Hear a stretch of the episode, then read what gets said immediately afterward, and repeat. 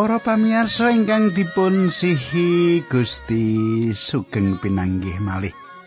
Kalian kula pendeta Pujiyanto wonten ing salebetipun adicara margi utami. Tumra panjenengan ingkang nembe kemawon mirengaken adicara menika. Panjenengan kula dherekaken sinau kayektosan kayektosan pangandikanipun Gusti. Panjenengan wonten ing adicara menika kula dherekaken nyemak saben kayektosan kayektosan ingkang dipun pratelaken kitab suci kita menika. Pangajeng-ajeng kula panjenengan pikantuk berkah secara kasukman lan kanthi pangandikan ingkang panjenengan candi wonten ing salebeting manah menika saged andayani panjenengan kiat nampeni cobaning gesang wonten ing jagat menika. Nah, kados pundi pamirsa menapa panjenengan sae-sae wonten ing papanggihan menika pengajeng-ajeng kula panjenengan tansah binerkahan tining Gusti lan dinangkung tining Gusti Allah. Lan kula ugi matur nuwun atas pandonga panjenengan ing saben-saben kula saged papanggihan kalian panjenengan. Nah, para pamirsa monggo nyaket kalian kula mriki sugeng midhangetaken adicara menika.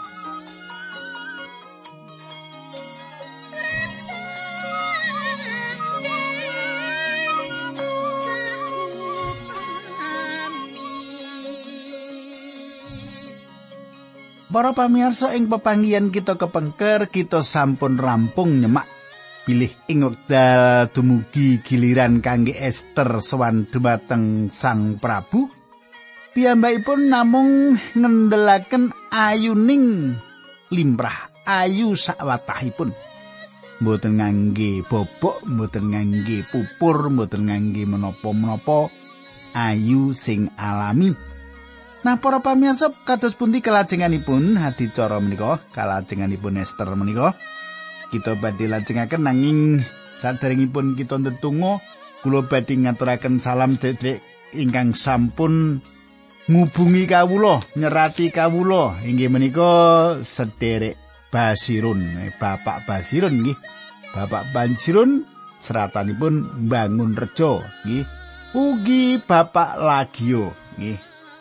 Atas pundi Bapak? Menapa panjenengan sesarengan kalian kala wonten ing adicara menika? Nggih, mugi-mugi panjenengan sesarengan kalian kula sugeng midhangetaken lan kita ndedonga rumiyin. Duh Kanjeng Rama ing swarga kawula nyuwun pimpinanipun Gusti wonten ing adicara menika. Kawula nyuwun supados sejarah kitab suci menika saged andayani kawula mangertos pilih Allah menika cangkung gesang kawula. Dinambaran asmanipun Gusti Yesus Kristus kawula ndedonga haleluya amin.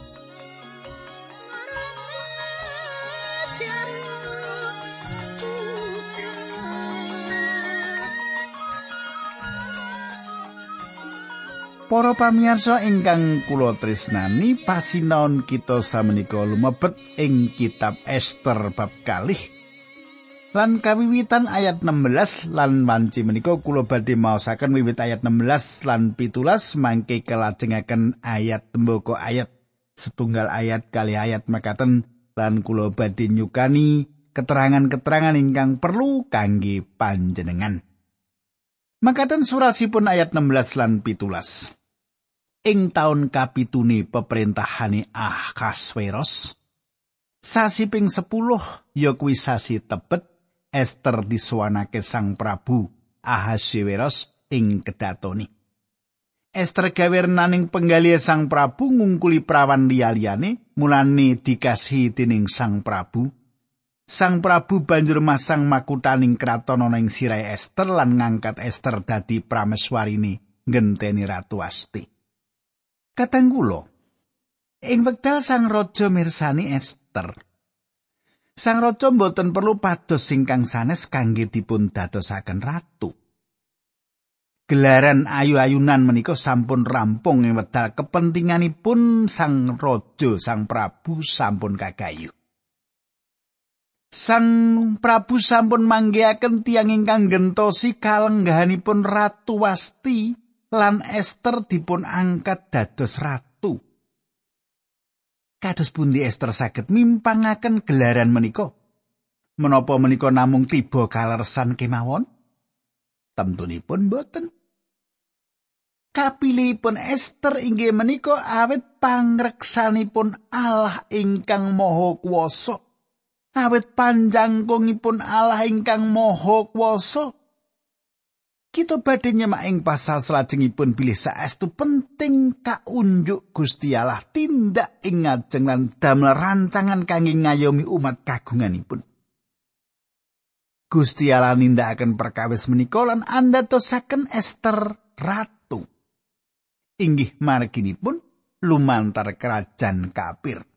Bujono Andrawina mendem-mendeman. Gusti Allah ngersakaken kita ningali panguwasipun ing salebetipun perkawis manungsa lan iblis. Lelampahan ingkang kados makaten menika dados panglipuran putra-putranipun Allah ing jaman menapa kemawon kita gesang. Dumateng kita dipun cariyosaken para pamirsa bilih Sang Prabu nresnani Esther. Menika benten kegayutan katresnanipun Rut kalian Boas ingkang dados gambaran katresnanipun Sang Kristus dumateng umat kagunganipun. Nanging kula mboten ngaturaken bilih kula mboten manggihaken kados pundi lebetipun katresnanipun Ahasiweros lan Esther. Sang Prabu Ahasiweros inggih menika satunggalipun raja sepuh ingkang boten gadah kawruh ingkang babar pindah kekayutan katresnan sejatos sing salebetipun Gusti Allah kangge satunggalipun katresnan sejatos ing salebetipun Gusti Allah kangge satunggal sisian kakung istri. Liripun Raja Ahasiweros katresnan sejati sak lebeting Gusti Allah menika mboten mangertos. Nanging katang kula lelampan menika saestu penting. Saestu ngedek-edeki manah ningali kenya menika ingkang asalipun saking bangsa ingkang saweg dipun tawan ujug-ujug dados ratu atas satunggal kerajaan kapir ingkang ageng piyambak ingkang nate wonten ing jagat menika gerakan anti Yahudi ageng sanget ingkang gadah tujuan nyirnakaken bangsa menika lan rancangan Allah sawetahipun kalian Israel tentu badhe dipun damel cuwa ingkang sanget nanging ing wekdal bebaya nempuh Esther wonten ing salebeting kalenggahan ingkang boten wonten bandinganipun. Gusti Allah ingkang nuntun Esther ing kalenggahan menika. Para pamirsa, kula lajengaken ayat 18. Sawise mengkono Sang Prabu nganakake pesta gedhen kanggo ngurmati Esther, ngulemi para punggawa lan para pengedhi kabeh sak negara kabeh diparingi libur dening Sang Prabu panjenengane uga ngedum ganjaran kanthi lomo kadang kula Emot bilih kitab menika dipun bikak kanthi wontenipun Bujana Ndrawina. Awit sang raja gadah ratu ingkang ayunipun ngidapi-dapi kangge gentosi ratu Asti. Sang raja mboten narik pajak sak dangunipun setunggal taun. Menawi prakawis kados makaten menika dipun tindakaken ing wekdal samenika, menika badhe ngguncangaken jagat.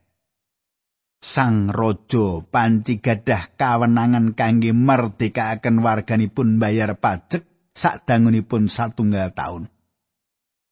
Kula lajengaken ayat 19. Ketrito Mordikai diangkat dening Sang Prabu dadi punggawa negara. kadang kula. Mordikai gadah kalenggahan ninggal. Satunggal kalenggahan. Piyambakipun lenggaing gapura kraton raja menika ateges bilih piyambakipun menika dados hakim.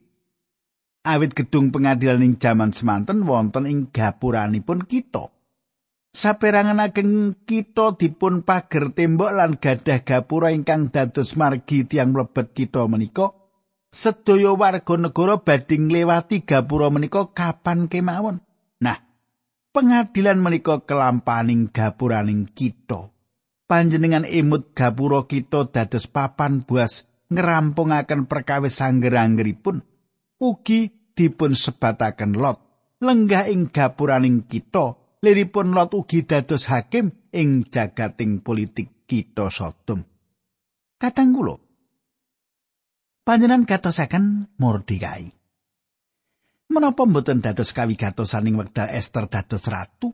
Salajengipun panjenengan mangertos bilih Mordekai dados hakim ingkang lenggahing gapura.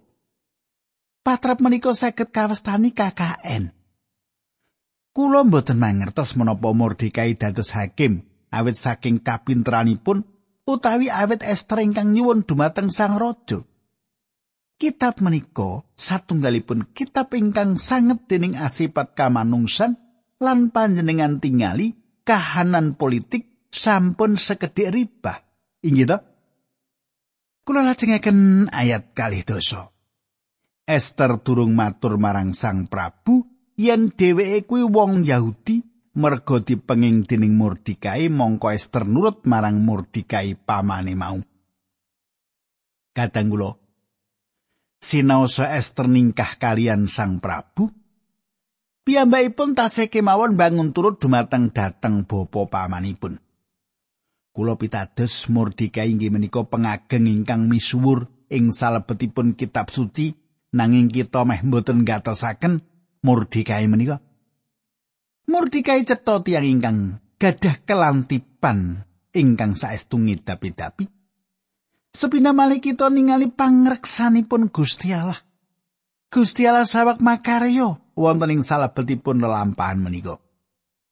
Kula lajengaken Ester kalih ayat selikur ngantos tiga likur. Makaten surasipun, ing sawijining dina nalika Mordikai lagi nyambut gawe ing kedaton, ana punggawa kedaton loro ya kuwi Biktan lan Teres padha sarembuk arep nyedani Sang Prabu Ahasiweros merga padha sengit marang panjenengani. Rancangan mau keprungu dening Mordekai, Mordekai banjur inggal-inggal kondo karo Esther. Esther ora sronto nuli ngaturake marang Sang Prabu apa sing dirungu saka Mordekai mau. Bareng perkarane diteliti ketitik yen laporan mau bener wong loro mau dihukum gantung lelakon iki dicatet ing buku sejarah negara atas dawi Sang Prabu. Para pamirsa. Lelampahan menika satunggalipun lelampahan ingkang saestu ngidapi-dapi Mordekai sawak lenggahing kapuro. Tiang katake salan wangsul nglangkungi kapuro menika. Mordekai mireng, tiang kali rerembaken lan Mordekai mireng nami sang raja dipun sebataken. Piyambakipun gatosaken lan kepireng menapa ingkang dipun rembak tiang kali kala wau lan kasunyatanipun tiang kalih menika gadah rancangan mejahi sang raja. Inggih awit anggenipun mireng menika lajeng dipun sanjangaken dumateng Esther gegayutan rancangan awan menika. Inggih kados makaten menika gegambaran ingkang kita sampun mangertosi. Tiang pengageng wetanan lan pandheripun ingkang brengosipun trapang singitaning cagak-cagak ngerancang piyawon dumateng sang raja. Ketingalipun tansah wonten tiang ingkang ngrebut kalenggahan raja kalenggan murdika ingkang dipun lenggai nguntungaken inggih piyambakipun saged mireng rancangan awon menika. Para pamirsa sasampunipun Mordekai meratelaken ngandhakaken dumateng Esther gegayutan rancangan Mejai Raja. Esther sanjang dumateng kakungipun. Perkawis menika dipun preksa lan kabukti leres. Tiang-tiang menika dipun tahan Sang raja paring dawuh supados tiang kalih menika dipun patrapi paukuman gantung lan tiang kalih menika dipun gantung. Ingkang dipun tindakaken menika kangge dados pemut tiang sanes ingkang saged ugi gadah rancangan badhe mejahi sang raja. Sedaya lelampahan menika dipun serating sejarah raja kanthi njlimet gegayutan kerajaan Persia utawi Parsi. ingkang ndudut manah inggih menika wonten perkawis ingkang dipun icali ing mriki.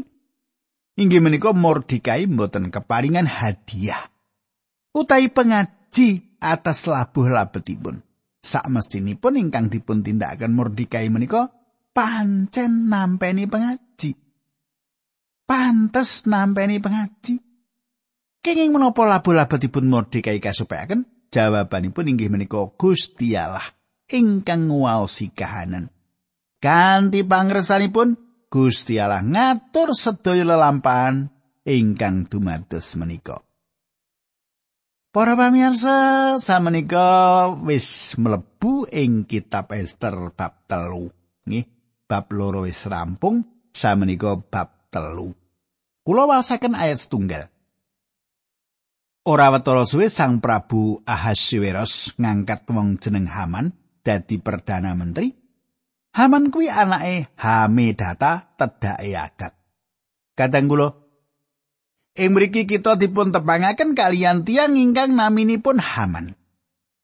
Haman menika kalebet salah satunggal tiang ingkang boten seneng kalian tiang Yahudi lan ajak-ajak tiang sanes supados sengit dumateng tiang Yahudi. Piyambakipun sampun dipun paringi kalenggan tining sang raja nglenggahi kalenggan perdana menteri Haman menika saking taleragak. Menawi panjenengan mbikak kitab suci panjenengan ing setunggal Samuel gang sawalas ayat wolu. Ing mriko dipun sebataken taler agak menika kalebet keluarga kerajaan tiang Amalek. Sang Raja Saul ing medal semanten kedahipun bangun turut dawipun Gusti Allah nyirnakaken tiang agak menika. Menawi Sang Prabu Saul bangun turut dawipun Gusti Allah pramila umat Israel mboten badhe nglampahi kangelan kados kahanan menika awit tiang akeh sampun boten wonten. Gagalipun Saul bangun turun. Dawuhipun Gusti Allah nyirnakaken tiang agak meh nyirnakaken umat kagunganipun. Nanging sepindah malih Gusti Allah menika tansah nganti ing samukawis lelampahan panjenenganipun jangkung umat kagunganipun. Dados menawi panjenengan menika mboten nindakaken dawuhipun Gusti Allah badhe wonten korban pambengan kangilan ingkang badhe dipun lampahi saged panjenengan saged anak putu panjenengan. Para pamirsa, mboten wonten gaman ingkang saged nglumpuhaken Israel. Awit napa? Awit Gusti Allah ngayomi bangsa menika. Gusti Allah badhe ngendhekaken menapa ingkang dipun tindakaken Haman. Ing mriki kita badhe mangertos kenging menapa Gusti Allah nuntun Esther dateng damparing ratu. Menawi saupaminipun piyambakipun boten lenggah dados ratu, Esther boten lenggah dados ratu, Haman ingkang sengit dumateng tiang Yahudi menika sampun nyirnakaken umat Yahudi. Inggih menika ingkang dipun rancang dening Haman. Ayat kali. Sang Prabu nawuhake marang para punggawa kabeh supaya padha ngurmati Haman srana sujud ing ngarepe. Wong kabeh padha nurut marang dawuh mau kajaba Mordekai. Kadang kula Sang Raja maringi dawuh pilih Sang Raja gadah perdana menteri. Saben tiyang ketambang untrut dumateng piyambakipun lan saged mangertos kalenggalipun kita sampun mangertos bilih Mordekai menika satunggal hakim ing gapura. Mordekai gadah kalenggan ingkang asipat politik ingkang liripun Mordekai kalebet salah satunggal pengageng kerajaan lan piyambakipun kedah bangun turut lan ngurmati Haman. Nanging kasunyatanipun kita mangertos Mordekai mboten ngurmati Haman. Manut kula sedaya tiang-tiang ingkang patos salam supados dipun inggahaken pangkatipun ing kerajaan menika badhe manembah ing wekdal Haman langkung ing ngajengipun. Ing wekdal menika kula ningali ingkang kawitan pindah kados pundi astanipun Allah cawe-cawe wonten gesangipun Mordekai. Panjenengan saged ugi sanjang. Nanging Mordekai ana ing sanjabaning kersane Gusti Allah. Kepiye Allah makarya ing perkara kaya mangkene? Mordekai kudune bali menyang negarane dhewe bener. Leres menika. Kadang kula panci cetha bilih Mordekai wonten ing sanjawinipun kersanipun Gusti Allah. Nanging Mordekai tasih tepang Gusti Allah. Sinaosa piyambakipun boten budidaya sesambetan kalian Gusti Allah ingkang dipun sebat ing kitab Ester, Mordekai panci tepang Gusti Allah. Menapa panjenengan mangertos kenging menapa kula matur kados makaten? Angger-anggeripun Allah kangge tiyang Yahudi saestu cetha bangsa Yahudi boten kenging manembah menapa kemawon kajawi namung Gusti Allah kemawon. Bangsa Yahudi mboten kenging manembah reca utawi manembah sinten kemawon? Iki kados makaten wedal Haman dados perdana menteri saben tiang ingkang gadah kalenggan manembah piyambakipun kajawi tiang setunggal inggih menika Mordekai ing ngajengipun Haman Mordekai tetep jumeneng kemawon Mordekai lan Esther kalebet tiang boten setio tiang kalih menika boten wangsul dhateng Yerusalem nanging Mordekai lan Esther rilo ngadepi bebaya kangge milu jengaken bangsanipun. Kula lajengaken ayat 3 sekawan bab telu kitab Esther makaten surasipun.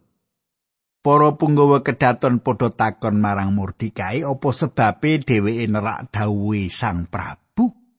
Lan saben dina Mordekai dibujuk supaya gelem nuruti dawuh mau nanging tetep ora gelem wangsulane aku iki wong Yahudi. Aku ora kena sujud ing ngarepe manungsa. Perkara mau banjur dilaporake marang Haman mergo kepengin weruh apa sing bakal ditindakake dening Haman marang Mordekai iki. Kadang kula, Mordekai dipun tangleti kenging menapa? Piyambakipun boten purun ngurmati Haman. Lan inggih medal semanten Mordekai nglairaken ingkang sayektosipun bilih piyambakipun menika tiyang Yahudi. Kamangka wedal semanten dereng nate Mordekai sanjang dateng sinten kemawon. Sinten to sejatosipun piyambakipun menika. Panjenengan tentunipun tasih kemutan Mordekai meling Esther supados mboten sanjang saking bangsa menapa. Ing wedal nderek pagelaran ayu-ayunan malah kakungipun kemawon mboten mangertos. Samenika Mordekai sanjang dumateng tiang-tiang menika aku iki wong Yahudi aku ora kena sujud ing ngarepe manungsa. Ewedal menika Mordekai sanjang pilih piyambakipun menika bangsa menapa? Ugi sanjang kados pundi agaminipun? Piyambakipun namung manembah Allah ingkang leres lan gesang. Mordekai mboten manembah reca brahala kegambaran utawi manungsa. Mordekai sampun diucal ing pangandaring Torat bab 6 ayat sekawan. Para sedulurku wong Israel rungokno pangeran kuwi Allah kita mung panjenengane piyambak. Para pamirsa, Mordikai kedah ngumumaken dumateng jagat, jagat lami, jagat kino, jagat ingkang manembah brahala lan ngelaraken kamanunggalanipun antawisipun Allah. Jaman samenika ing jagat ateisme kita kedah ngumumaken asas Tritunggal Sang Rama, Sang Putra lan Sang Roh Suci. Samenika sampun meratelaken sinten to piyambakipun. Samenika tiang-tiang mangertos kenging menapa Mordekai mboten manembah Haman. Emeta semanten tiang-tiang sami mangertos bilih tiang Yahudi menika sami manembah Gusti Allah ingkang moho tunggalan moho yaktos. Kadang kula Menapa ingkang dipun tindakaken Mordekai menika? Ingkang kawitan bilih piyambakipun menika wonten ing pihakipun Gusti Allah. Lan wonten regi ingkang larang ingkang kedah dipun bayar dening Mordekai.